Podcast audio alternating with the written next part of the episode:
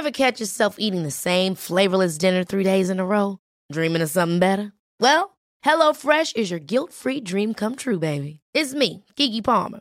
Let's wake up those taste buds with hot, juicy pecan crusted chicken or garlic butter shrimp scampi. Mm. Hello Fresh. Stop dreaming of all the delicious possibilities and dig in at HelloFresh.com. Let's get this dinner party started.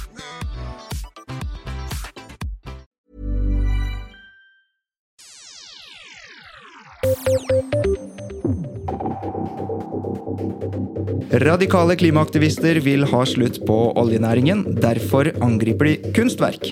Ja, du hørte riktig. To av Vincent van Goghs eh, og Claude Monets mest kjente arbeider er nylig blitt utsatt for aktivisters hærverk. Fordi de mener at dette retter fokuset på klimakampen. Men er dette god klimaaktivisme? Det pågår store opprør i Iran etter at myndighetene har tatt livet av Gina Masa Amini, og flere kvinner for ikke å bære hijaben sin på riktig måte. Derfor skulle det populære NRK-programmet Debatten gå på lufta med hijab som tema denne uken, men etter flere reaksjoner på sosiale medier snudde Fredrik Solvang og NRK. De ville ikke diskutere hijab likevel. Har vi fått berøringsangst mot å snakke om det kontroversielle hodeplagget? Dagens situasjon fratar sårbare kvinner grunnleggende rettigheter og øker faren for vold og overgrep, skriver FPU-er eh, Kristin Lode. Å selge sex er ulovlig i Norge i dag, men Lode mener at forbudet bidrar til flere negative enn positive konsekvenser. Burde vi oppheve sexkjøpsloven og tillate prostitusjon? Du hører på Etikk og estetikk. Podkasten er tilbake i sin fjerde sesong og fjerde episode. Produsent er Adrian Eriksen, researcher Peter André Hegg og programleder det er meg, Danby Choi.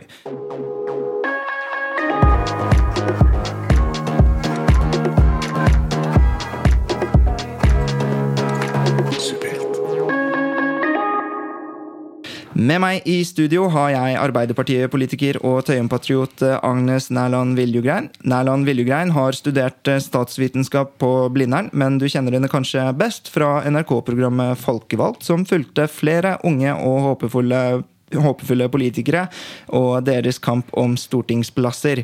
Agnes Nærland Viljugrein sitter nå som vararepresentant på Stortinget fra Oslo. Hun var inntil nylig med i sentralstyret til AUF, og er i dag organisasjons- og arrangementsrådgiver for paraplyorganisasjonen Ung Org, og nestleder i bydelsutvalget for bydel Gamle Oslo. Ryktene sier at hun også er lidenskapelig opptatt av Harry Potter-spill, eller Harry Potter-rollespill. Velkommen så mye til deg, Agnes Nærland Viljegrein. Takk skal du ha. Du, Harry Potter-rollespill, ja. Man sier ofte at politikere tar på seg masker og spiller et spill. Er det fra Harry Potter-rollespillet du henter inspirasjon? Det er en mørk fortid, den delen der. Okay. Så der har dere gravd godt. Men nei, jeg tror egentlig at jeg er en ganske sånn ærlig og rett fram politiker. Det er i hvert fall målet mitt å være. Og, men øh, vil det si at du har tatt avstand fra rollespill om dagen? Eh, det vil jeg si, ja. Har dette noe med JK Rowling å gjøre? Fordi Jeg hadde tenkt å stille det spørsmålet som et apropos. fordi at Rumpeldunk byttet nylig navn som følge av at Harry Potter-forfatter JK Rowling kom med noen transkritiske utspill på Twitter. Eh, kan du lese JK Rowlings bøker med god samvittighet? Eh, bøkene, ja, men JK Rowling har jeg ikke så god samvittighet for lenger. Nei, eh, Og nettopp, så du skiller mellom bok og kunstner? Jeg tror det. Ja, Det er eh, sikkert eh, smart. Men du, hvorfor ville du inn i politikken? Det ville jeg fordi eh, 22. juli var en så forferdelig terrorhendelse at jeg tenkte at eh, nå kan jeg ikke lenger være stille og være utenfor politikken. Nå må jeg melde meg inn i AUF og være engasjert. Og det har jeg holdt på med siden. Mm. Og, og hvorfor valgte du AUF? Jeg tror øh, åpenbart at 22. juli var en av de grunnene. Og så har jeg nok alltid vært på venstresida i politikken. Jeg har vært overbevist om at vi trenger små forskjeller. Og når du vokser opp på Tøyen, så ser du veldig tydelig konsekvensene av store forskjeller og mye ulikhet. Så for meg så ble det liksom en selvfølge å bli med der. Og så er jeg veldig opptatt av å jobbe systematisk med politiske gjennomslag, og da føltes AUF veldig riktig. Mm, og du snakker om systematiske gjennomslag, men sånn tematisk, er det noen spesielle politiske områder du er mer engasjert for? Eh, klima, boligpolitikk, ulikhet og ja, mangfold, kanskje. Nettopp. Og vi skal eh, delvis tilbake til eh, noen av disse temaene gjennom programmet, men til din venstre side skal vi også introdusere gjest nummer to. Det er nemlig Jack Chen. Eh, du er eh, samfunnsdebattant og tidligere filosofistudent ved UiO. Tross sin unge alder, 19 år, har Chen også gjort seg bemerket som en stemme i samfunnsdebatten, og det har rett og slett vært vanskelig å ikke få det med seg. Det han skriver er nemlig nokså, skal vi si, kontrært. Eh, blant annet så reagerte han sterkt på Studentenes og Akademikernes hjelpefond, SAIH, og at de samlet inn ti kroner per student ved skolestart for å støtte det han mente var et dårlig syn på mangfold. SAIH støttet nemlig kampen for å såkalt avkolonisere norske utdanningsinstitusjoner, noe Jack Chen er kritisk til. Norsk identitet, kjønnsløse doer, Andrew Tate, aktivisters offermentalitet og ikke minst No Nut November har vært temaer Chen har kastet seg over og engasjert seg for. Men eh, det han kanskje er mest lidenskapelig opptatt av, det er faktisk tog. Ja, de som går på skinner. Da han hanket inn jobben som kundebehandler i Flytoget, sa han til Drammens Tidende at dette var drømmejobben, og at ni år gamle Jack hadde vært stolt. Velkommen så mye til deg, Jack Chen. Tusen takk. Du, Hva er det med tog som fascinerer deg sånn veldig? Det jeg har tenkt på veldig ofte selv, men jeg tror det at mamma kommer fra et land i Vest-Afrika, Sierra Leone, hvor det ikke finnes noe tog. Så når hun først flykta til Norge og jeg ble født der, så så hun tog for første gang. Og det jeg tror er at den den fascinasjonen som hun fikk fra det, har overført seg til mitt liv, og at de fleste unge gutter og jenter sånn sett, har interesse for tog, Thomas-tog osv. når de er unge, men at det forsvinner etter hvert. Men jeg tror kanskje jeg fortsatt sitter fast i det stadiet, og at kanskje det ikke er en fase, men noe som permanent er en del av livet mitt. Og ja, Det har alltid vært en sirkel rundt livet mitt, det med jernbane. I åttende klasse var det sånn at jeg blant et, kjøpte et kamera og var sånn, vet du hva, nå skal jeg lage Instagram-bruker hvor jeg tar bilder av tog. Så da har jeg tatt sånn ca. 400 forskjellige bilder av forskjellige tog her i Norge, og det er jeg veldig fornøyd med. Lættis. Uh, tog er jo også en slags sånn Det er en sånn fascinasjon verden over. Har du sett uh, Trainspotting, filmen? Det er også et sånn fenomen? Jeg har hørt på soundtracken fra Trainspotting. Jeg elsker soundtracken. Eh, særlig Bedrock sine innslag. Men jeg har ikke sett filmen i seg selv, og det burde jeg kanskje gjøre. Det er en uh, must see. Uh, du var tidligere medlem, i, tidligere medlem, i, AUF, som din uh, kollega på høyre side er. Tidligere kollega, men hva var det som fikk deg til å melde deg ut? Det var jo kanskje at ikke jeg hadde noe reell grunn til å være der, siden det var jo først i 10. at jeg fikk en sånn liten interesse for politikk. Og det var en av klassekameratene mine som anbefalte meg hei, kanskje burde være med på sånn sommeravslutning med alle partiene det her i Drammen. Så da ble jeg med, da, og så fikk jeg høre fra noen fra AUF om hvor interessant det var. Og jeg syntes det var interessant, særlig med Utøya. Så noen dager går, noen dager går da, og så får jeg en melding fra en fra AUF. Spør vil du være med i AUF og bli på Utøya. Jeg er sånn, gjerne. Men selvfølgelig får jeg ikke lov fra foreldrene mine. Så det går et år før jeg får dra på Utøya. Og det jeg må si er at jeg er utrolig takknemlig for det AUF gjør, og at de klarer å opprettholde Utøya etter alt det som skjedde. Og at jeg er veldig fornøyd med teamen der. Men i bunn og grunn så opplevde jeg at jeg følte at jeg kunne Jeg passa inn i AUF i og med at det ga mange av ideene som florerer der, er ikke noe jeg kan helt se meg selv i. Og at jeg er mer vinkla mot høyresiden etter hvert. Og jeg føler litt sånn forræderi, nesten. At jeg er sånn wow, jeg var i AUF så lenge, jeg følte alle dette var enig sånn sett. Så det er litt, jeg syns det er veldig interessant å kunne møte en fra, til, en fra AUF nå, rett ved siden av meg. Eh, gøy. Og så er du med i boken Norsk nok. Hva er det du mener er norsk nok for deg? Norsk nok er egentlig det bare å ha de verdiene som nordmenn flest har, og det å kunne leve et vanlig norsk liv. Altså, Jeg, jeg kommer fra tre ulike land. Russland, Japan og Sierra i Vest-Afrika. Men jeg har jo sånn sett blitt oppvokst i den norske kulturen, antar jeg, da, i og med at jeg har gått på barneskole i Norge, gått på ungdomsskole, videregående, omgås veldig mange norske folk rundt meg hele tiden. Og at det, den andre kulturen jeg har hatt mest rundt meg, er jo sånn som det afrikanske i hjemmet, men ellers så føler jeg meg norsk selv om ikke er det i hudfarge eller utseende. Eh, og så til slutt, No Nut November, det er rett rundt hjørnet. Kan du fortelle hva det er, og hva, hva du mener om dette fenomenet? Ja, No Nut November er en utfordring som sånn sett går ut på Det er litt som No Shave September, at du ikke skal fjerne skjegget ditt, men No Nut November eh, vil bety at ikke du skal onanere eller ha orgasme i en hel måned. Dvs. Si november, siden det, det, å nøtte betyr det å få orgasme da, på sånn internettslang. Og interessen min for det kommer i det at er ikke det interessant at en tullete internettutfordring skal være det som faktisk får oss til å ha mulighet til å debattere la oss si pornografi, siden pornografi er sånn som bare noe veldig mange unge folk bare får i fanget når du blir 14-15 år, og ingen snakker om det. Men at min tanke var jo at nå er det faktisk mulighet for la oss si, skolen å kunne opplyse om de gode sidene og dårlige sidene med pornografi ved å faktisk bruke en sånn tullete utfordring, men det ser ikke ut til å være. Veldig bra. Og uh, nå er altså No Nut November rett rundt hjørnet, og kanskje vi får lese noe mer av deg om uh, temaet. Og med det skal vi gå over til tema nummer én i dagens podkast. Jeg heter Sofie Elise, og du hører på Etikk og estetikk, en podkast fra Subjekt.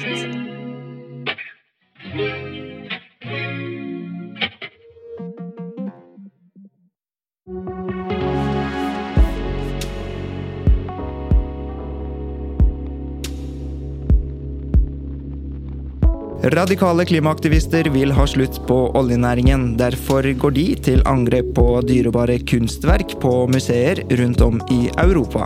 Ja, to av Vincent van Gogh og Claude Monets mest kjente arbeider er nylig blitt utsatt for hærverk fordi at aktivistene ønsker å rette fokuset på klimakampen. Eh, er dette god klimaaktivisme? Agnes, Nei. hva syns du, Jack? Nei. Ok, da får jeg prøve å være den kontrær kontrære her. Se for deg da, Agnes, at gjennom alt dette så får du jo virkelig dette på dagsorden.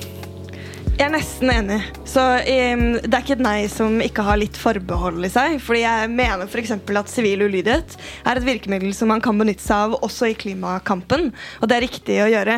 Det jeg syns Extinction Rebellion gjør feil, det er at de går til angrep på ting som blir så tullete at det tar fokuset vekk fra den egentlige debatten. Og nå diskuterer vi alle det å kaste tomatsaus på eh, kunstverk, heller enn å diskutere hvor akutt klimakrisa er. Så jeg er ikke helt sikker på om de lykkes med det de vil oppnå. da. Eh, Men det kan man gjøre med sivil ulydighet, og man kan gjøre det med aksjonisme.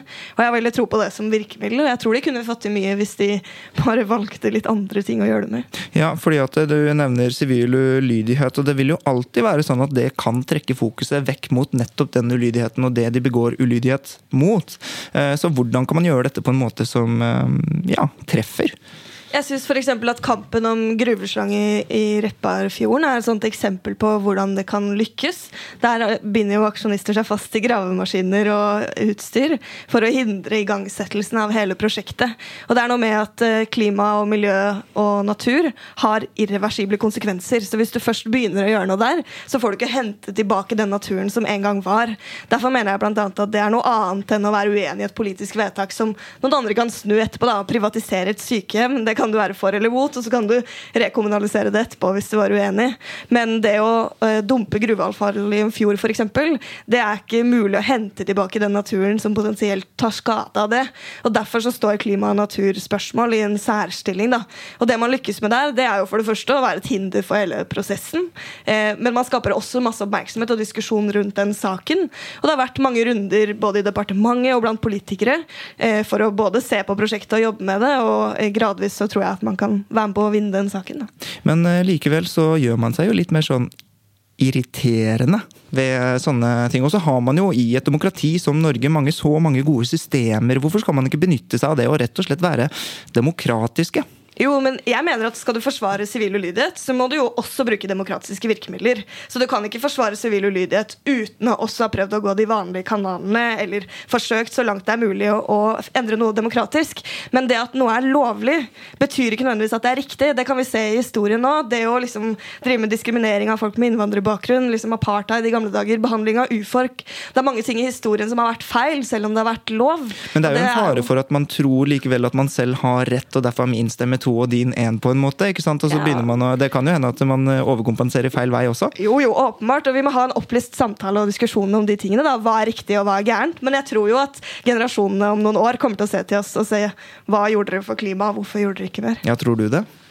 Altså, mulig, altså Min tanke om klimaaktivister som sånn sett gjør disse sivile ulydighetssakene, er at det er så lavpanna. At det, jeg tror ikke det er dumme folk sånn sett, men det er på en måte Igjen, du distraherer fra det hovedopplegget som er faktisk klimasaken. Av at man, Du kan ofte dømme en person sin personlighet ut ifra hvordan de behandler folk som har lavere sosioøkonomisk status enn seg selv. La oss si waitresses, servitører på restauranter. Og det jeg føler klimaaktivister ved sivil gjør, er at de sånn sett gjør dagen verre for det dagligdagse mennesker som sånn sett ikke har noe påvirkning på store klimaspørsmål. som Ja, for hvem er det som ender opp med å vaske disse uh, lerretene og eh, rammene på kunstverkene? ikke sant? Det er jo eh, vanlige folk på, som jobber på museum. Nettopp, og det viser en Det er sånn rar arroganse, føler jeg, i det at klimaaktivisten, hvordan jeg oppfatter dem, at jeg vet best, du må høre på meg, og hvis ikke du vil høre på meg, så skal jeg påføre deg irritasjon. Det er som et barnehagebarn sånn, som skal prøve å overvinne sin sak ved å sånn, så plage andre, og det skjønner jeg ikke i det hele tatt. Og det er jo faktisk sånn at man er uenige om hvordan denne klimakampen skal vinnes. ikke sant? Og det er jo ikke helt, det er ikke gitt at man er 100% sikre på at, eh, på at man må eh, At norsk olje ikke er renere enn annen osv. Tenk om de begynte å drive med sivil ulydighet? Tenk om kapitalistene begynte å drive med sivil ulydighet? Ja, de kan jo det, på en måte, hvis de mener at det er forsvarlig. Men jeg er uenig med de i det. da, Og jeg er uenig i at eh, norsk olje er renere enn annen olje, fordi olje er per definisjon skitten. Ja, men Er det ikke derfor vi skal verne om ikke sant, de demokratiske spillereglene, i tilfelle at alle disse begynner å kaste ting på hverandre i stedet? Så Jo, grunnleggende sett så mener jeg det.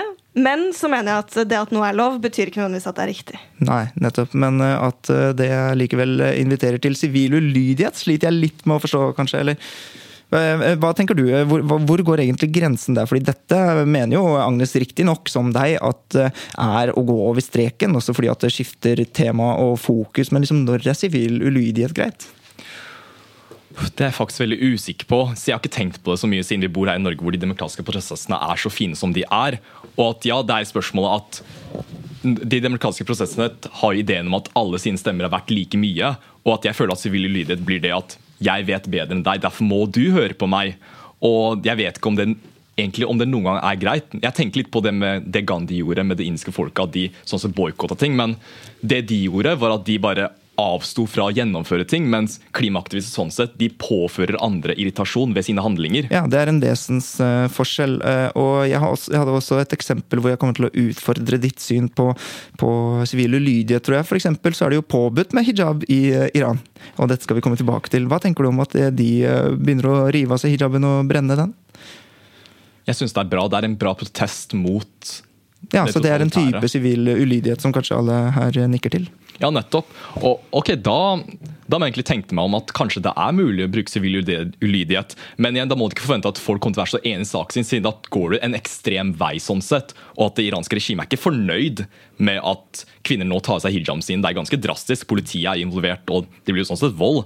Og at klimaaktivisme sånn sett forvente det også selv, at folk kommer til å bli ganske irritert på saken deres, og da må de veie opp er det verdt å bedrives i ulydighet kontra de effektene det vil få, siden jeg tror ikke jeg har møtt noen som faktisk har blitt sånn, vet du hva, jeg er mer enig i klimasaken når de stoppa trafikken i en time og jeg ikke rakk å hente barnet mitt på barnehagen. Ja, fy søren, Du har sett noen videoer fra USA hvor liksom folk har sånn to anmerkninger på jobb fra arbeidsgiver, og de jobber på stakkars Target, og de får sparken om de kommer forsinka, liksom, og sjefen tror ikke på dem, og så skal de komme hjem og komme til jobb og forklare den der 'bikkja spiste leksene mine'-unnskyldningen. Klimaaktivister la seg på bakken. Det er jo, man, det er jo til å bli grundig provosert av.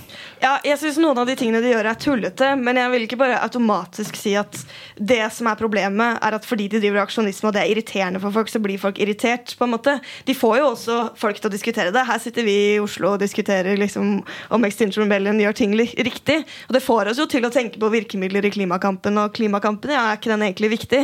Så det er jo et eller annet der de får til som vi også går på i Ja, men du, sø du søkte deg litt fremover der, fordi det er stort sett Extinction Rebellions metode vi diskuterer, og egentlig ikke om eh, klimakampen er en eh? Eller klimakrisen per se, litt? Litt, men er vi ikke liksom enige da for eksempel, at ja, ok, klimakrisa haster, og den er viktig, og det, ja, mange gjør mange ting for å få oppmerksomhet om det, men vi syns kanskje dette var litt tullete. Jeg er enig mm. at vi diskuterer metodene, det er hovedkritikken min, men jeg tror også at det får oss til å tenke, da. og De sitter på hjernen vår, og vi husker mye av det de holder på med. da. Absolutt, og så står det, jo, står det jo der med et budskap tross alt, men spørsmålet er kanskje om man går et skritt frem og to tilbake når noen tross alt bare får lyst til å brenne mer kull av å se sånne aktivister. Ja, nettopp. Jeg hadde jo vennen min hjemme som bare vet hva jeg vil kaste søpla i feil søppeldunk pga. disse klimaaktivistene. Men hvis vi går tilbake til det med Iran og det at kvinner nå tar av seg hijaben Man kan differensiere mellom klimaaktivister og kvinner som tar av seg hijaber i Iran. I det at i Iran så påfører det ikke noen andre noe vondt utenom at det er eh, kanskje umoralsk for menn å se. Mens klimaaktivisten derimot, de påfører andre ekstra arbeidstid. Og min tanke da blir at hvor mye respekt har de egentlig for det vanlige mennesket sånn sett, når de aktivt går ut og gjør dagen deres verre? Det viser at de sånn sett verdsetter klima over vanlig menneskeliv. Og da vet jeg ikke hvor mye man kan respektere deres sak da. Og så handler det også om uh, åpenbarheten. Det blir jo veldig subjektivt. Det du sier i stad, er jo helt riktig. Det er jo mange historiske eksempler på at, eh, på at man har tatt feil. Men, men eh, det, det, åpner for så mange utrolig subjektive vurderinger. Så liksom, min kamp er viktig, men ikke din nok. Uh, man, men um, problemet i uh, Iran som vi ikke har i Norge, er jo det at vi har demokratiske spilleregler, og vi har et system som, eh, som, muliggjør at vi kan seriøst banke på døren til en minister i Norge, mens i Iran så er det jo vitterlig ikke sånn. Problemet er jo at når du er klimaaktivist i Norge i dag, da, så ser du at eh, det er begrensa med gjennomslag for de av oss som mener at det haster veldig å gjøre noe med f.eks. norsk olje og gass. Hvis du skal få til det, og du har prøvd i ti år og ser at det ikke nytter, hvor lenge skal du prøve gjennom de demokratiske virkemidlene hvis du mener at det ødelegger kloden? på en måte da? Det er jo vanskelig å se at ting går fort nok, og når vi har så kort tid som vi har, så blir folk mer og mer desperate. Og så skal du protestere mot et system. Jeg prøvde å tenke hva er liksom alternativt bedre? Eh, hvordan gjør du det? Skal du ut på, utenfor Stortinget? Hvis de som er en del av systemet, ikke hører, så må du kanskje provosere andre da, og få en reaksjon blant den jevne befolkning for å få de til å reagere på det samme. Ja, tro, Man tråkker over en grense her, det hører jeg. Men uh, hvis du hører på Agnes nå og, og så tenker at um, Tenk at konkurrenten din er faktisk en av verdens mektigste lobbyindustrier. Og det er jo sant, all forskning uh, verdt å tro på sier jo at klimakrisen det, det haster, liksom. Uh, um, Gir ikke det legitimitet til en sånn, sånn aksjon? Jeg tror ikke det, siden igjen Det jeg, sliter med med klimaaktivister, er sånn sett at folk vil jo ha selvinteresse, og at sånn sett klimaaktivister tjener ikke folk sin selvinteresse, og da vil ikke folk ha lyst til å høre på dem. Og at la oss si med gass, strømprisen kommer til å øke drastisk nå i vinter, sannsynligvis, så har ikke noen interesse av å gjøre strøm dyrere ved å la oss si avslutte olje. Og da, Det er nettopp det at det er gjennom selv, å bygge eh, å appellere til folks selvinteresse at man faktisk kan få til endring. Ikke å påføre å si at 'jeg vet bedre enn deg', derfor må du høre på meg og gjennomføre det jeg har lyst til. Siden hva om jeg sa det samme? Hvem skal veie mest da? Skal jeg som er utenlandsk og også vil bedrive sivil lydighet, ha mer, ha mer mer etos enn en hvit mann som bedriver sivil lydighet. Ja, ikke sant? Så Det er liksom derfor vi prøver å lage rammer ikke sant? for eh, hva som er demokratiske virkemidler og prinsipper. Men eh, det er i hvert fall eh, enighet rundt panelet, virker det som, om at på det enkle spørsmålet da, om dette er god klimaaktivisme, så er nok svaret lenende mot nei. Og da er dette et enklere spørsmål enn de andre, så vi får hoppe over til tema nummer to. Yo! Det er Uge Marstein her, fra Undergrunn Klikk. Du hører på Etikk og estetikk av Subjekt. You know the shit.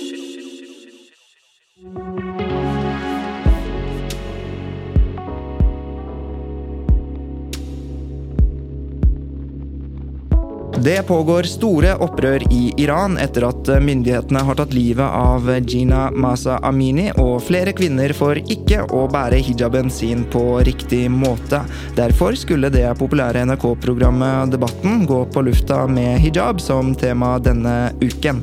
Men etter flere reaksjoner på sosiale medier snudde Fredrik Solvang og NRK. De ville ikke diskutere hijab likevel. Har vi fått berøringsangst mot å snakke om det kontroversielle? Kontroversielle plagget? Ja. Og hva synes du? Nei. Nettopp. Endelig fikk vi litt uenighet. Eh, hvordan kan du mene noe sånn? Fredrik Solvang tar jo opp kontroversielle temaer hele tida. Ja, det er det at hvor skal grensa gå for at noe ikke er greit å snakke om lenger? Vi hadde sånt siden dette med hijab er jo De som bruker hijab, sier at dette er en del av identiteten deres. En skikkelig stor del av identiteten deres. At, men på samme måte er det samme for skeive. At la oss si Skjønnet deres er jo en utrolig stor del av deres identitet, men vi hadde uansett en debatt om det på NRK. Og da skjønner jeg ikke hvordan man kan differensiere mellom noens sin kjønnsidentitet og noens religiøse plagg. At jeg ser ikke Det ser ut som mobben har vunnet denne gangen. Og det skjedde ikke sist. Og eh, til deg, Agnes, eh, jeg vil jo også opplyse mine lyttere om at jeg har engasjert meg sterkt i dette spørsmålet fra før, så det er jo ikke noe vits i å tro at jeg er helt nøytral, men jeg kan likevel prøve å stille kritiske spørsmål i begge retninger. Eh, og Agnes, det var jo sånn at Fredrik Solvang var den første til å si at debatten var avlyst. Da skriver han på sin egen Instagram at de har avlyst dette fordi at det var mange sterke reaksjoner. Og de gikk bl.a. ut på at hijab-debatten i Norge ikke kan sammenlignes med den i Iran, og det blir liksom for dumt. Eh, det var hans Og, og at de ikke syntes det var greit, osv. Og, og så begynte mediene å stille kritiske spørsmål, og da sa Gunhild Viken, som var sjefen hans, til forskjellige medier at nei, det handlet om at det ikke kom journalistisk i mål. De hadde liksom ikke nok balansert panel, og de fikk ikke gjestene de ville ha tak i, osv. Så sånn skjer jo i journalistikken. Um, og så var det den tredje begrunnelsen, som var at um, nei, men vi hører på lytterne våre. Så det var liksom tredelt, disse forklaringene rundt om i media, og det vekker jo litt sånn eh, tillitssvekking. Uh, hvilken av disse begrunnelsene tror du på? Um, hvilke jeg tror på? Nei, jeg syns jo ikke det er overraskende hvis man ikke har klart å få det panelet man ønsker i en sånn debatt. Da. Man ønsker jo å debattere det på en smart og oppegående måte, og det blir ofte mye skyttergraver når man diskuterer temaer som det, så det kan jeg godt forstå. Og så er jeg enig i at um, når man diskuterer hele situasjonen i Iran, så er det åpenbart uh, mange ting som er viktig der, men når folk sier at det handler om mer enn retten til å ikke bruke hijab, så er jo det riktig. Det handler jo om å være fri til å kunne bestemme utenom hva det eh, regimet der skal bestemme på vegne av kvinner. Da. Men er det ikke en fare da for at man underkjenner egentlig det som startet hele protestene, nemlig at eh, Masa Amini ikke hadde på seg hijaben sin rett og ble drept pga. det plagget og håndhevelsen av påbudet? Men det betyr ikke at man ikke diskuterer det. Men det betyr kanskje at uh, diskusjonen må breies litt ut og handle om flere ting enn det. Og der syns jeg liksom at de som er skeptikere, da, eller som er kritikere, bommer litt òg. Fordi at man blir veldig sånn om dere tør ikke diskutere hijab. Nei, men kan vi ikke diskutere hijab på en litt breiere måte? Kan vi ikke snakke om flere ting samtidig? Og kan vi ikke snakke om at dette er undertrykkelse på flere områder enn bare det plagget? Kan vi ikke det, Jack Chen? Snakke om at, uh, hvorfor skal vi snakke om det lille det plagget, når uh, protestene i Iran tross alt dreier seg om veldig mye mer? Siden sånn sett det plagg det er veldig store forskjeller i Iran som samfunn og Norge som samfunn. Og at kanskje Urix har mer interesse av å kunne drøfte de ulike sakene som, eller ulike konfliktene som foregår i Iran. Men at her i Norge så er hijab en ganske stor del av hverdagen vår. Vi ser det overalt. folk som bruker det. Og at kanskje det er interesse for det norske folket å høre litt av de ulike standpunktene om hijab. La oss si, Et eksempel er jo om hijab burde være tillatt inn i politiuniformen. Siden det har vært et ganske stort tema, burde det eller burde ikke. F.eks. i USA og noen stater har det blitt innført. Og at kanskje vi burde ha en debatt om det. Og så er det f.eks. det med sosial kontroll. Mange bruker hijab frivillig, noen gjør ikke. Kanskje burde ha en debatt om det, og at vi kan sentrere det mot Norge. Det er det jeg føler mandatet i debatten som TV-program er. Å debattere saker som er av interesse for det norske folket, og som påvirker hverdagen vår. Men uh, hvis uh, man uh, Du nevnte forskjell på Norge og Iran. Hvorfor skal man snakke om liksom, hijab i Norge? Blir ikke det litt sånn søkt at Fordi i Norge så er det jo ikke et påbud, og det er jo påbudet som er problemet det er det at vi får endelig muligheten til å snakke om hijab. liksom No Not November, at gjennom No Not November kan snakke om pornografi. At det er liksom en sånn vek, liksom proxy for å kunne snakke om et tema som veldig mange har interesse av. siden sånn sett, Når ellers snakker man om hijab i hverdagen? Vi gjør nesten aldri det, siden det blir altfor bredt. og Derfor vil vi ha veldig gode folk på et debattpanel som kan diskutere det, og at debatten kan sånn sett legge opp til å gjøre det. Ja, ikke sant? Så Du ønsket deg en bredere debatt, og debatten kan jo bli bredere, men kan ikke hijaben være den broen, den proxyen, den vekkeren? Eh, er det ikke Aktualitet, liksom. I Iran så er det protester mot plagget. Hvorfor kan ikke det være en vekker for å diskutere plagget her hjemme og videre rundt temaet? Jeg bare synes liksom at det blir forenkling av hele situasjonen i Iran. Da. Og det blir liksom sånn nok en gang sånn Ja, men vi må få lov til å diskutere det her i Norge. For det første så er det jo ikke sånn at det ikke diskuteres. Subjekt tok jo debatten liksom og eh, fyrte opp som bare det. Så det var jo nok av diskusjon. Eh, det betyr ikke at fordi debatten ikke tok akkurat det temaet, så er det umulig å diskutere. Så når vi liksom slenger fra oss sånn Er det greit å debattere? Så syns jeg det blir for enkelt å si, da. Hvem er det som bestemmer hva som er greit? Vi diskuterer jo alle kanaler og foraer hele tiden. Og hijab diskuteres som bare bare rakkeren. Jeg er fra Tøyen, og jeg har vokst opp med folk som har brukt hijab så lenge jeg har gått på skolen. Alltid noen i klassen som har på seg hijab. De får jo spørsmål om det hele tiden. Så jeg tror også at for folk som bruker hijab, så opplever de at det i aller høyeste grad diskuteres hver eneste dag. Ikke bare liksom i den store samfunnsdebatten, men særlig retta mot de. Hvorfor tok du det valget? Hvorfor har du på? De blir spurt veldig mye om det. Så det er jo en samtale som vi har veldig mye bevissthet rundt. Men det jeg bare er opptatt av, er at selv om vi kan diskutere hijab, og det kan gi rom for liksom flere polarisere debatter, så er det noe med å tro at hvis du tror at situasjonen i Iran 100% er overførbar til en hijab-debatt i Norge, så syns jeg det er å forenkle hele situasjonen i Iran. Og den situasjonen i Iran hadde fortjent en skikkelig god debatt. da. Og det håper jeg egentlig at NRK kommer tilbake til og løfter. Det er ganske interessant eksempel, at Masud Gharahkhani, som er stortingspresident, opplever så mye eh, tilbakemeldinger nå for den rollen han har tatt som en tydelig talsperson i hele den saken. Eh, det syns jeg eksempel også bør være en del av diskusjonen. da. Noe som også skjedde tidligere i år, og flere ganger for øvrig, og ofte nok eh, NRK, er at de, eh, også fordi at de arrangerer veldig mange debatter, da, er at um, noen debatter, kontroversielle nok, de blir avlyst. Og da blir det jo fort sånn at man Men skjer det ofte? dem. Har de avlyst mange kontroversielle temaer i NRK? Eh, transdebatten eh, på Ueinig ble eksempel eh, Altså, eh, nei, eh, svaret på det er sikkert nei. Men eh, det har skjedd, og så skjer det liksom eh, med transdebatten, hijab-debatten, og det skjer med sånne kontroversielle temaer, og da er det jo fristende for motstanderlaget å tenke at hm, kanskje det er noen annen grunn til dette, og jeg skal ikke fastslå hva som er grunnen til det, men men, um, Men altså, Vi hadde jo Jenny Klinge til å diskutere kjønn og trans, og NRK har jo tatt de debattene òg. Ja, Jeg opplever ikke NRK som et sånt medium som ikke tør å gripe inn. Fredrik Solvang er jo litt som du innleda med, egentlig. Egentlig en fyr jeg opplever som er veldig interessert i å ta vanskelige og kompliserte debatter. Mm. Ikke redd for å ta i det, men de er opptatt av å gjøre det på en måte som blir god. da. Og Ja, jeg står på også- den vurderinga deres. Ja, og så er det jo også sånn at de alltid blir kritisert for å forenkle. da. Ja. Men, men, eh, de, eh, men transdebatten Ueinig det er et program som jeg også skulle være med i i en eh, annen episode. Men det er fire episoder, skulle det være, men så ble det bare tre. Fordi at ja, en transaktivist skrev faktisk på Twitter at eh, ja, jeg ønsker å kansellere hele dritten. Og etter det så var det flere transpersoner som var blitt invitert til NRK-programmet, som rett og slett meldte seg ut, ikke ville være med i sendingen, og så ble det ikke noe episode. Og da skal man jo spørre seg om de ikke bare skulle arrangert den debatten allikevel, uten de panelistene, fordi at er det aktivister som redigerer NRK osv. Så videre. så men dette er jo litt anekdotisk. Det er jo ikke masse, masse, masse eksempler på det. Men jeg mener, når, det, når man snakker om eh, disse to temaene, som særlig kan bli kjempekontroversielle, da, da er det jo kanskje spørsmål om vi er blitt for redde for å snakke om det når man avlyser det, i stedet for bare gjennomføre. Var, det, var det til meg? Eller til Jack? det, det, jeg føler det sender ganske dårlig signal. Det, hvem vet hva grunnen var til at de avlyste debatten og uenigprogrammet? Men det veldig mange tolker da kanskje på høyresiden som oftest, er at ok, det er noen som har agenda om at ikke vi skal prate om dette. Og det jeg tror konsekvensen er at vi skaper flere fordommer ved at vi faktisk ikke tar diskusjonen på de offentlige debattfloraene våre.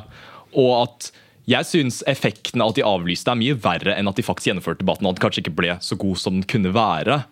Så det er egentlig min tanke om at de fleste folk tenker at her er det er vi for redd for å prate om det? I like med det med voldtekt her i Oslo, at ikke politiet opplyser om det. Er det en grunn til at ikke de gjør det? Er det en agenda bak det? Folk blir jo mistenksomme. Og er det ikke bedre at politiet bare er ærlig om at sånn er det? Og det er det, istedenfor at vi må drive og undre hm, hvorfor var det egentlig gjorde. Ja, Et sånn informasjonsfrihetsperspektiv. Jeg tar spørsmålet med videre til deg og spør det ikke, kan det ikke være kontraproduktivt rett og slett eh, når man foreslår å kansellere transdebatten, eller rett og slett ikke foreslår å kansellere hijabdebatten, hijab-debatten? At det virker som om eh, man ikke ønsker debatten arrangert? Eh, Det spørs hvem det er du mener eh, kansellerer det. da. Jeg er ikke helt enig i den beskrivelsen heller. Men de debattantene som blir invitert til å diskutere hijab, eller om det er trans, på en måte, det er jo folk som jeg opplever diskuterer disse tingene hele tiden. Altså De venninnene jeg har som bruker hijab, de blir spurt om disse tingene absolutt hele tiden. Det er ikke sånn det mangler debatt fra deres side eller bidrag, men det må også være lov til å takke nei hvis ikke du er interessert i å møte det, eller du opplever at motdebattanten din ikke kommer til å gjøre det på en ordentlig måte. Og så synes jeg vi skal huske på at transpersoner er noen av de mest utsatte minoritetene vi har i hele Norge. Er det én gruppe som eh, virkelig, liksom, hvis du skal tenke ytringsfrihet, da, burde vært løfta og gitt rom til å eh, kunne bli representert og si sine meninger, så er det de. da. Og da tenker jeg at vi skal strekke ut en hånd og legge til rette for at ytringsrommet blir større og breiere for grupper som opplever det vanskelig i dag. Og det er jo særlig kvinner med minoritetsbakgrunn, og det er folk med trans, som har transbakgrunn, f.eks.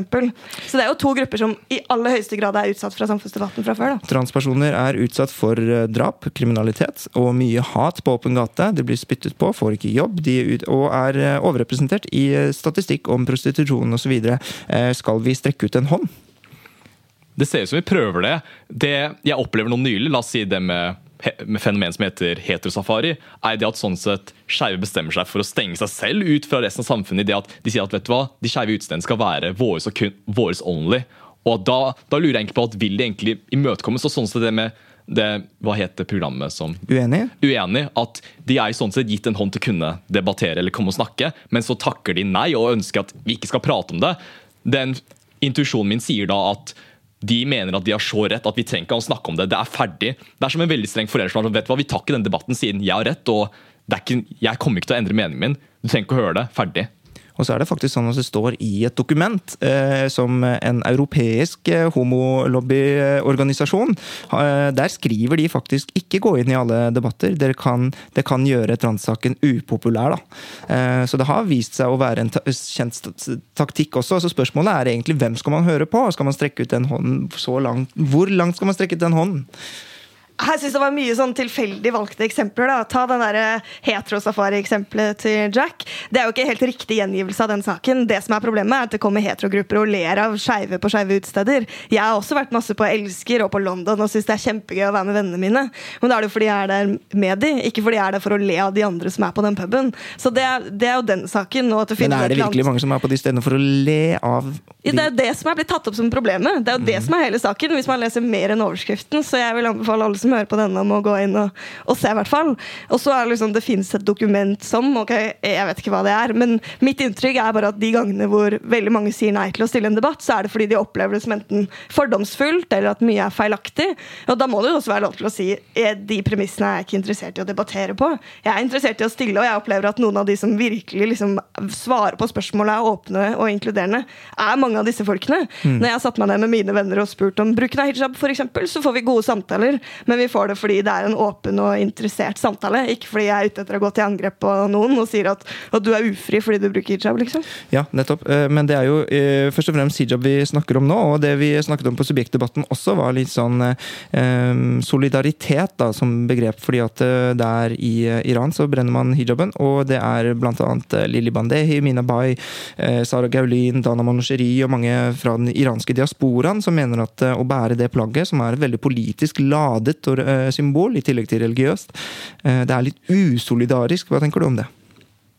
Jeg vet ikke om jeg, jeg, For meg har det aldri vært aktuelt å bruke hijab, så det føles liksom vanskelig å ta stilling til. Jeg tror at For de som bruker det, hvert fall, så vil de ikke være enig i dem. At For dem så er det et religiøst plagg som har en spesiell betydning for dem sjøl. Mm. Altså, folk Sikher for eksempel, bruker jo hodeplagg som om det var en krone. Det er også en måte å se på det på. Så jeg tror jo at ulike kulturer har ulike forhold til det. Og jeg skjønner godt Sara og de andre sin opplevelse med det òg, og at de også får den konsekvensen at de ikke bruker hijab, og at det er veldig viktig for dem. Men jeg tenker at det må kanskje være rom for begge deler. Ikke sant? Og at et forbud kanskje kan være like mye eh, et problem som et påbud, fordi disse tingene må håndheves, sånn som i Frankrike, hvor man da har et hijabforbud hijab-forbud i offentlig sektor, eh, og burkini på badeplasser osv., som gjorde at det, det endte opp med en sånn veldig absurd situasjon, hvor fire politimenn med maskingevær ba en dame altså ta av seg burkinien på stranda. Og det kan jo få sanne konsekvenser òg med et sånt forbud, så hva, hvor skal man egentlig trekke den streken? Jeg tror ikke man verken burde ha påbud eller forbud. Siden da blir det spørsmål at nå bestemmer sånn sett staten hvordan folk skal leve livet sitt. Og det reagerte også på i den debatten Subjekt hadde om hijab. Av at man skulle sånn sett ikke kunne påføre barn sitt religion før de blir 16 eller 18. at Da mener man sånn sett at den sekulære måten å bli oppvokst på er den riktige. Og hva vet vi liksom om det? Så jeg tror ikke man burde enten bannlyse eller på ha et påbud om det. Men at vi burde egentlig se på det underliggende problemet sin. Ok, hijab det er et plagg, mener jeg da. Men at det er de underliggende problemene la oss si, som sosial kontroll som vi burde heller se på. At vi burde prøve å finne bedre måter å undersøke om det er noe neg om det faktisk er frivillig eller ikke, istedenfor bare å fokusere på plagget i seg selv. Og med det går vi over til dagens tredje og siste tema.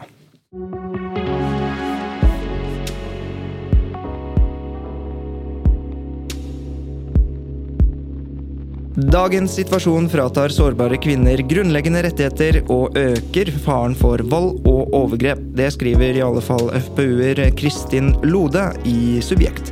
Å selge sex er ulovlig i Norge i dag, nemlig, men Lode hun mener at forbudet bidrar til flere negative enn positive konsekvenser. Burde vi oppheve sexkjøpsloven og tillate prostitusjon? Nei. Hva synes du? Ja. Nettopp. Og sier du det bare fordi hun er en FPU-er, Agnes? Nei, det gjør jeg ikke, men jeg syns det er vanskelig å forstå hva høyresida egentlig mener i disse debattene. Fordi når de vil oppheve sexkjøpsloven, så kommer det veldig ofte ikke mer enn det. Og det syns jeg er litt påfallende. At det er liksom Ok, man er ufri i dag, så ved å oppheve sexkjøpsloven så blir alt bedre, og det er ingen tro på. Det vi kom fra, var i hvert fall ikke noe bra, og jeg tror at eh, sexkjøpsloven har bidratt til å gjøre ganske mye med holdningene til nordmenn, f.eks. Ja, og er det ikke sånn at vi burde ha et forbud når det tross alt er så um Ja, det er jo ganske motbydelig, det fenomenet å kjøpe sex. Ok, Hvis man ikke kan kjøpe sex, hvorfor kan man kjøpe innlegg fra Onlyfans? At Hva er forskjellen mellom de to? Jo, det er jo vesensforskjell på å, liksom, direkte berøring og, og, videofiler. Men du bruker fortsatt kroppen din til å appellere til noen, selv om ja. ikke det er beføling. Mm. Så problemet mitt er sånn så det at du bare overfører problemet til en annen arena. Og at du tar jo sånn sett friheten vekk fra folk som faktisk har lytt. Men det, så, det vi snakker mer om de som faktisk sliter her. Og at ved å oppheve sexkjøpsloven så ville de kunne sånn sett ivaretas av staten. La oss si den hendelsen hvor uh, noen prostituerte ble slått til banka opp så de ikke kunne jobbe og at de ble nekta erstatning for det arbeidet som ble tapt. At det ikke er mening sånn at de sånn som skal betale skatt, men ikke kunne få støtte fra staten når de blir skadet fordi de driver umoralsk og ulovlig virksomhet. Mm, mm. Og det er jo sånn at eh, De beste argumentene for er jo bl.a. Amnesty-rapporter osv. som eh, sier at, eller altså mot sexkjøpsloven. De sier jo faktisk at um, en slik lov bidrar til at uh, kvinnene får det mye verre enn de kunne hatt. altså, og fordi at de, de tvinges inn til å gjøre dette i mørke rom hva er ditt svar til det? Jeg er åpenbart bekymra for det. Og jeg, jeg, skal si helt ærlig at jeg nøler masse i diskusjonen om sexkjøp. Også helt grunnleggende sett, om jeg mener at det er etisk feil eller ikke. Men jeg, jeg tror ikke 100% av det er sant heller. fordi hadde vi hatt et ordentlig hjelpeapparat og et støtteapparat rundt disse menneskene, hadde vi vært hardere på trafficking og fulgt opp på en bedre måte, eh, så tror jeg det hadde vært annerledes. Det er jo noe med håndhevelsen av sexkjøpsloven som har vært helt ute å kjøre. ikke sant? At mennesker kan ikke ha et trygt sted å gjennomføre dette, fordi plutselig blir man beskyldt for hallikvirksomhet, f.eks. Så det er en del ting som henger sammen med sexkjøpsloven som ikke gir helt mening for meg, og frykten for f.eks. opphold og asyl, som også er et veldig stort problem. Eh, men jeg tror det er de tingene rundt vi må starte med å se på, og så kan vi etter hvert diskutere ok, fungerer sexkjøpsloven eller ikke. Og jeg syns Jack for eksempel, er inne på ganske mange essensielle ting, som hva med alt som skjer digitalt? Klarer vi å følge opp det på en god måte? Jeg er ikke sikker på det heller. Men at vi skal liksom starte med å si nå bare fjerner vi den helt. Det syns jeg er liksom å bare si å ja, det finnes noen problemer der ute, men vi tar ikke tak i de. Mm, men det er i hvert fall eh, det f.eks. Pion, sexarbeidernes interesseorganisasjon, tvert imot mener er å ta tak i de problemene. Vi kan jo ta et lite litt sånn bakgrunnsstoff eller underlag. I Norge er det straffbart å selge sex. Det er imidlertid fra 1.1.2009 straffbart å kjøpe seksuelle tjenester etter straffelovens eh, paragraf 316. Strafferammen er fengsel i inntil seks måneder, men det normale er at det straffes med bøter i størrelsesorden 15 000-20 000 kroner. Forholdet er også straffbart. Altså, det blir jo bare at sexen koster la oss si 10 000 pluss 15 000, det. for, de, for, dem som har råd, så er da det helt ok. Eh, forholdet er også straffbart for eh, om det begås av nordmenn i utlandet, selv om det skulle være lovlig i det land der kjøpet finner sted. Kjøp av seksuelle tjenester fra personer under 18 år straffes med bøter eller fengsel i inntil to år. Paragraf 189 i straffeloven, altså. Um, og så er det jo sånn, eh, det du sier, at um, det går jo an å lage lover litt sånn på en annen måte, selv om man ikke tar vekk loven. For eksempel så er det jo ikke ulovlig å selge sex. Det er ulovlig å kjøpe sex. Uh, og det er jo en del av det sexkjøpsloven-prinsippet i det hele tatt. Men, mm. men, eh, men eh, hva tror du? Tror du det ligner litt mer på sånn de fleste liberale kamper, egentlig, sånn som um, War on Drugs? At uh, ja, hensikten er åpenbart åpenbart god, men at man gjør egentlig de svakeste i samfunnet en bjørntjeneste? Ja, det er sånn sett med legalisering av rusmidler. at ok, vi må bare akseptere at prostitusjon og rusmidler befinnes i samfunnet. Ja, prostitusjon sies jo å være det eldste yrket i verden. Ja, nettopp. Og da er spørsmålet skal vi bare da ignorere det, bare la som at det ikke finnes og ikke gjøre noe med det, eller faktisk godta det inn i samfunnet og prøve å gjennomføre tiltak for dem, og faktisk hjelpe de som sliter i sexindustrien. Lage arbeidsrettigheter for dem og kunne gjøre sånn at de jobber i grupper. siden Det jeg, det jeg hørte fra en podkast fra Dagsnytt 18, var det at um, Kvinner kan ikke sånn som jobber i grupper innenfor prostitusjon, siden da kan en av kvinnene holdes til ansvar som en hallik. Nettopp. Og det Er sånn, er ikke det litt rart? At når de prøver å samarbeide og holde seg trygge, så vil de da kunne tiltales for det? Ja, nettopp. Og det, jo, det gjør det enda farligere for disse kvinnene, som da må gjøre det i mørke rom. Og gjøre det for seg selv. eh, Og de, de rapporterer seg sikkert ikke inn, fordi det, det er jo det får de bøter. Mm, jeg syns hallikparagrafen er kjempeutfordrende med dette. Og det gjør det veldig vanskelig å gi folk eh, god nok trygghet i det de gjør. Men for meg så blir det liksom grunnleggende spørsmål om hva frihet handler om. da. Handler det om å være fri fra statlige reguleringer, eller handler det om å være reelt sett fri til å kunne ta de valgene du ønsker, uavhengig av økonomisk situasjon, f.eks. Og så lenge det er mange kvinner som opplever å bli presset til å selge sex, eller som er avhengig av det, og som blir tvunget hit på innvandring, eller ja, som kommer hit uten opphold og, og er veldig sårbare, så mener jeg det er det vi må ta mest hensyn til. Men jeg- jeg- jeg tror- og- friheten til å selge sex på en måte kommer i andre rekke for min del. Da. Ja, ikke sant. Men eh, jeg tror også det finnes eh, nok eksempler på folk som bare tenker at eh, jeg er pen, jeg er digg, eh, jeg kan eh, selge sex og tjene altså så mye mer enn å gjøre de drittjobbene vanlige mennesker må gjøre. Og se på dem som peasants da, og synes seg selv er jævlig heldig som kan gjøre det. Og det er jo litt privilegert òg.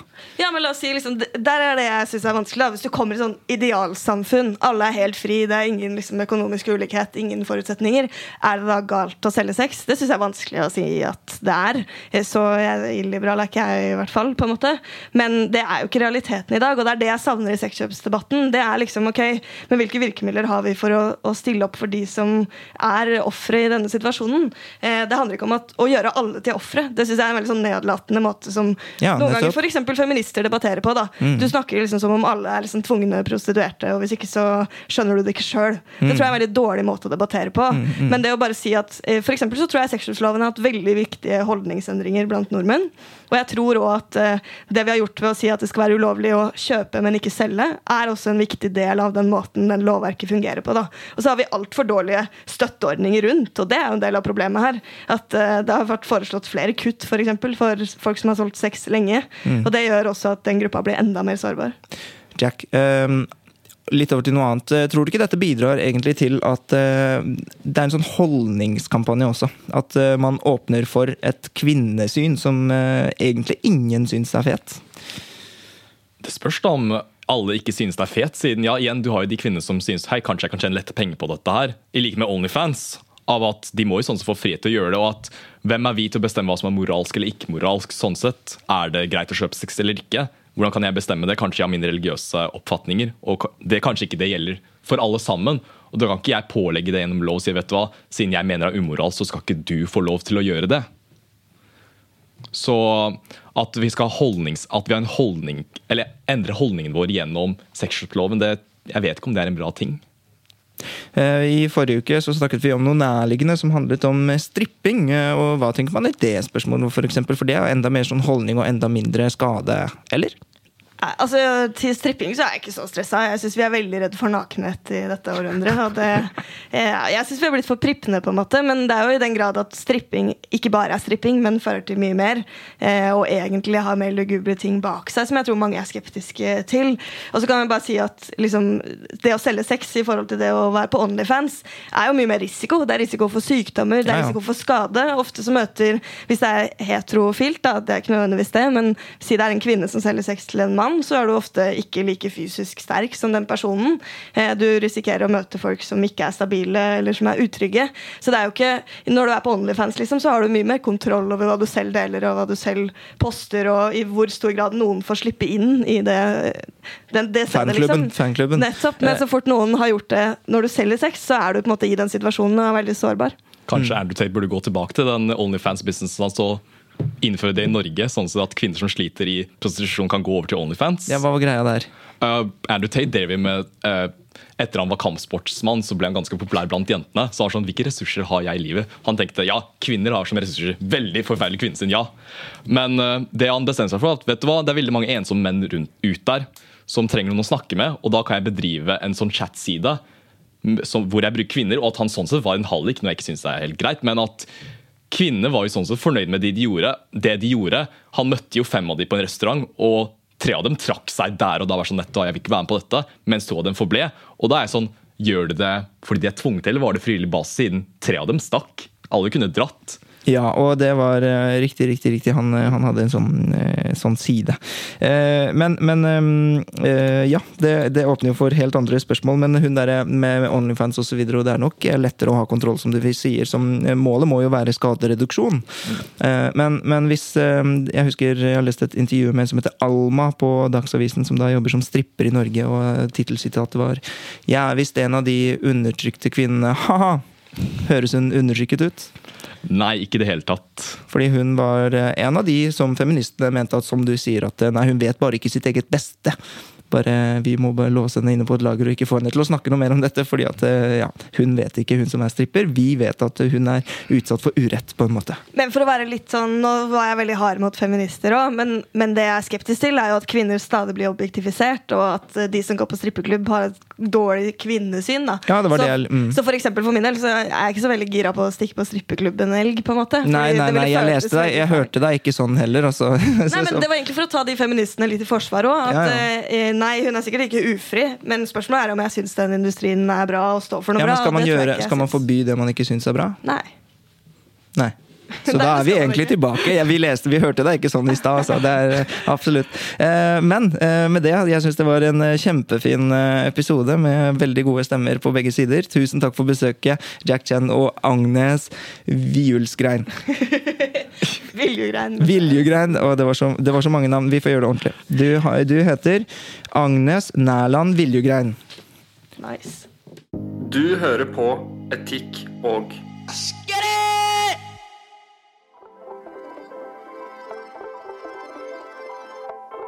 Tusen takk til eh, gjestene som eh, nok en gang eh, bidrar med kunnskap og klokskap til subjekt og etikk og estetikk.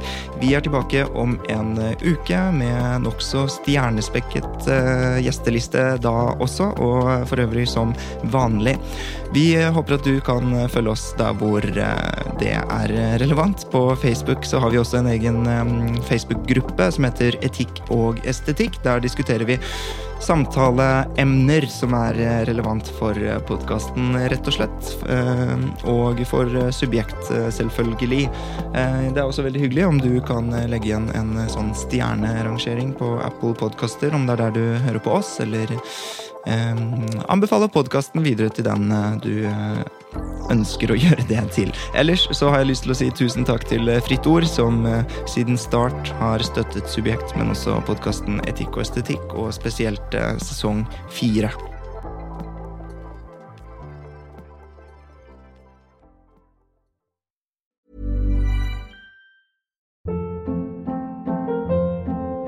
Hold up. What was that? Boring. No flavor. That was as bad as those leftovers you ate all week. Kiki Palmer here, and it's time to say hello to something fresh and guilt-free. Hello Fresh. Jazz up dinner with pecan-crusted chicken or garlic butter shrimp scampi. Now that's music to my mouth. Hello Fresh. Let's get this dinner party started. Discover all the delicious possibilities at hellofresh.com.